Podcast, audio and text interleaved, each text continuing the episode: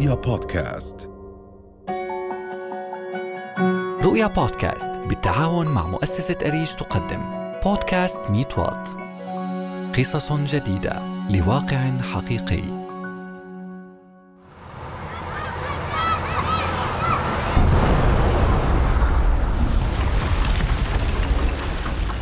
تعيش اليمن أزمة إنسانية كبيرة منذ اندلاع الحرب التي بدأت قبل ست سنوات. وصفتها الأمم المتحدة بالأسوأ في العصر الحديث لما نتج عنها من دمار وخراب طال كل شيء حتى وصل إلى الأطفال الذين اضطر بعضهم للهروب خارج اليمن غير مصحوبين بذويهم ليواجهوا قسوة العالم بلا عائل ولا سند. عمي لما سافر لبريطانيا هو أجت له لجوء. أنا كنت وحيد وكنت كئيب ولا بعرف حدا. فكيف يعيشون؟ وما وضعهم القانوني في الأردن؟ وما هو دور المفوضية السامية والسفارة اليمنية لحماية هؤلاء الأطفال القصر؟ ومن يكفل لهم حقوقهم المنصوص عليها في اتفاقية حقوق الطفل الصادرة عن الأمم المتحدة؟ أنا بحاول بكل قدراتي بس مش قادر. أنا بدي المساعدة. المساعدة. أنا بحب امارس الرياضه كثير. ثاني شيء أنا بدي أكون بالمستقبل رجل اطفاء ضمن الفارين من محرقة اليمن أكرم الأهل ذو الستة عشر ربيعاً الذي خرج من اليمن وانتهى به المطاف في الأردن. ما زالت أصوات الطلقات وصور جثث القتلى لا تفارق خياله إلا أنه يمسك بقيثارته يعزف عليها لحناً للسلام. فلماذا خرج أكرم من اليمن؟ أول شيء أنا خرجت من اليمن عشان الظروف الصعبة اللي في اليمن. اول كاول شيء كعنف أسري. كعنف أسري من كل ناحية من اخوالي ومن أعمامي. كنت لما أروح أي مكان كانوا يطردوني وهذا ما كان معي مستقبل ولا كان حدا. كان كلهم ضدي كانوا. ثاني شيء إنه كانوا ناس راح يخطفوني زي ما خطفوا ابن عمي خطفوه للجبهه ورجعوه مثل جثة ميتة آه ورصاصه في راسه وأنا ما كان بدي آه أكون زيه كان راح يخطفوني بعد هذه المعاناة ما بين الأهل والميليشيات اضطر أكرم للخروج من اليمن في سن الرابعة عشرة بصحبة عمه فكيف وصل إلى الأردن؟ ومن الذي يرعى هذا القاصر في هذه المرحلة العمرية؟ وكيف يواجه ظروف الحياة الصعبة؟ عمي خرجني وساعدني وخرجت من اليمن قعدت بمصر هناك آه قال لي عمي أخرج هنا أقعد هناك وبعدين أنا راح يستناني في الأردن بعدين هو طلعني للأردن قعدت معاه سنة حاولت إنه أكمل دراستي لأنه أنا ما درست لا بمصر ولا ولا بأي مكان. درست لمدة سنة. بعدين هو كان جاله لجوء فهو راح لبريطانيا وأنا وأنا وحيد هون في الأردن. حصل عم أكرم على لجوء في بريطانيا فسافر تاركا أكرم وحيدا. ليجد الطفل نفسه لاجئا في سن الطفولة غير مصحوب بذويه. فكيف عاش أكرم وحيدا وتدبر أمره في هذه السن الصغيرة؟ كان وضعي صعب. أول شيء أنا كنت أحاول أدور شغل وما لقيت وكنت يعني من كثر ما دورت شغل وحاولت أنا فكرت انه قلت شو أساوي؟ شو أعمل؟ لدرجة إنه كنت بيدي أنتحر وإنه هذا الطريق الأفضل لأنه أنا ما راح أقدر أعيش ولا أكمل مستقبلي ولا أعمل أي شيء لأنه كان وضعي صعب للدراسة والوضع المادي والسكن. كل شيء كل شيء يعني كانت الحياة مسكرة علي. بدائره أنا محاصر ما قدرت أخرج. صاحب الشقة كان بده الإيجار بسرعة وكان راح يطردني. فأنا حكيت آه، كان واحد آه، آه، كان واحد جيراني بطرس هو اللي ساعدني جاب لي الإيجار وكل شيء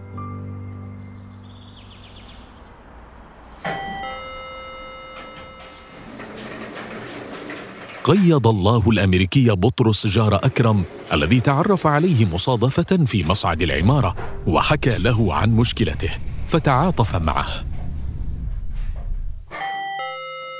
تقابلنا مع بطرس ليحكي لنا عن تفاصيل بدايات التعارف بينه وبين أكرم ولماذا تحمل عبء الإنفاق عليه والأسباب التي دعته للتعاطف معه.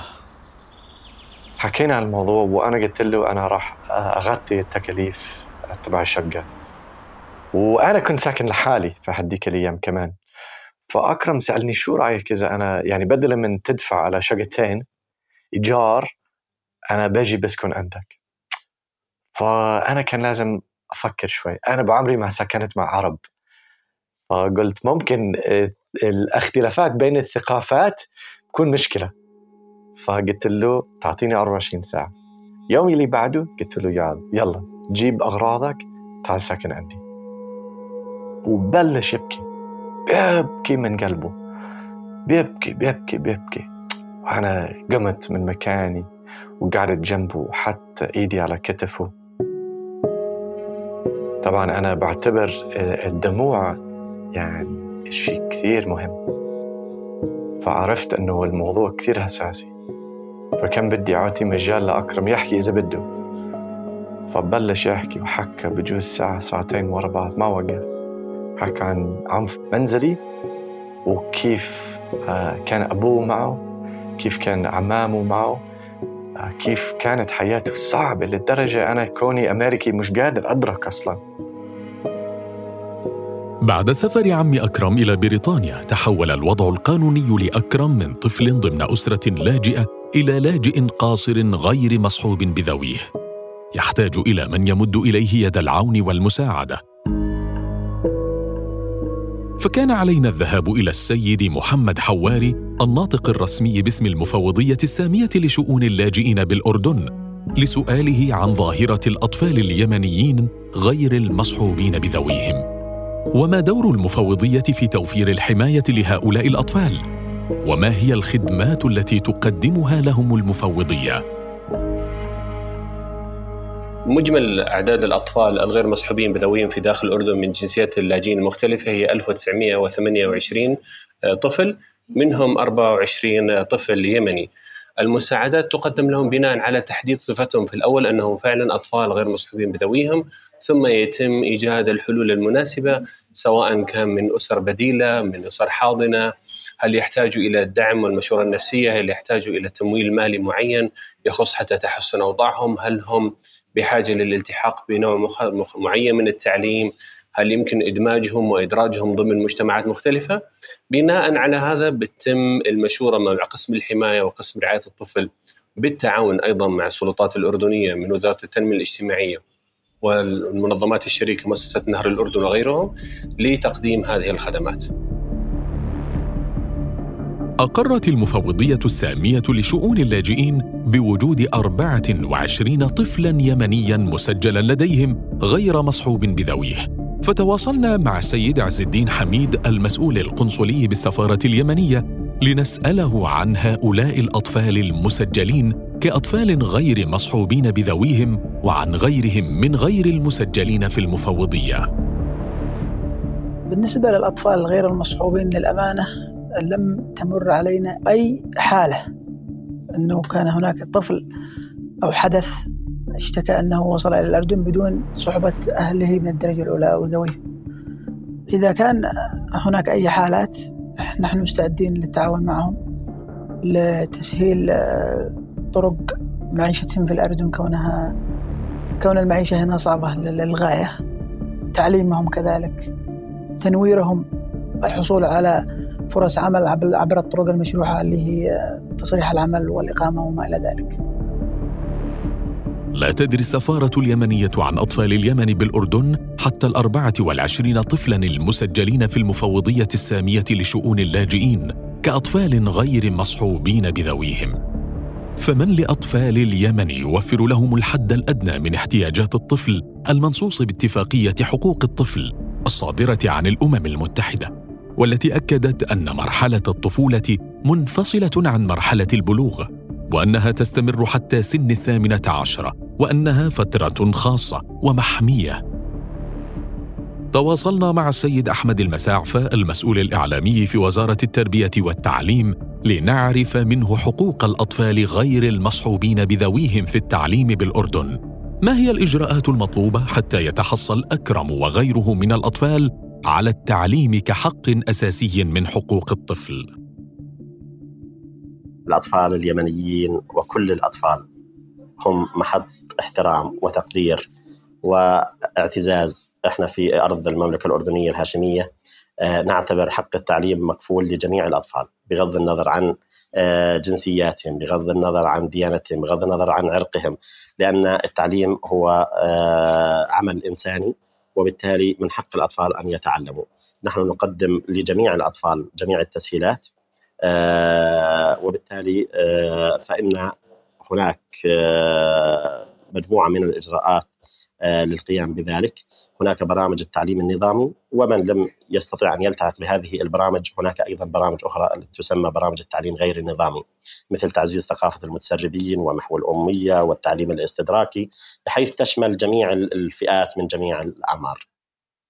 الإجراءات المطلوبة محددة بأسس قبول وانتقال الطلبة وهذه التعليمات تأتينا أيضا من عدة جهات. مثلا يوجد إقامة سارية المفعول لقبول الاطفال.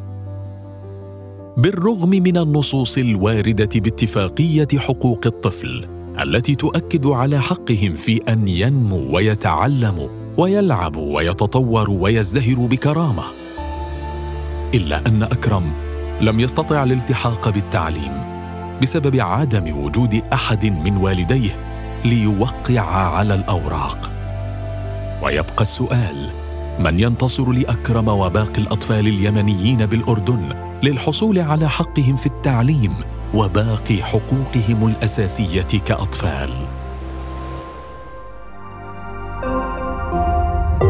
رؤيا بودكاست.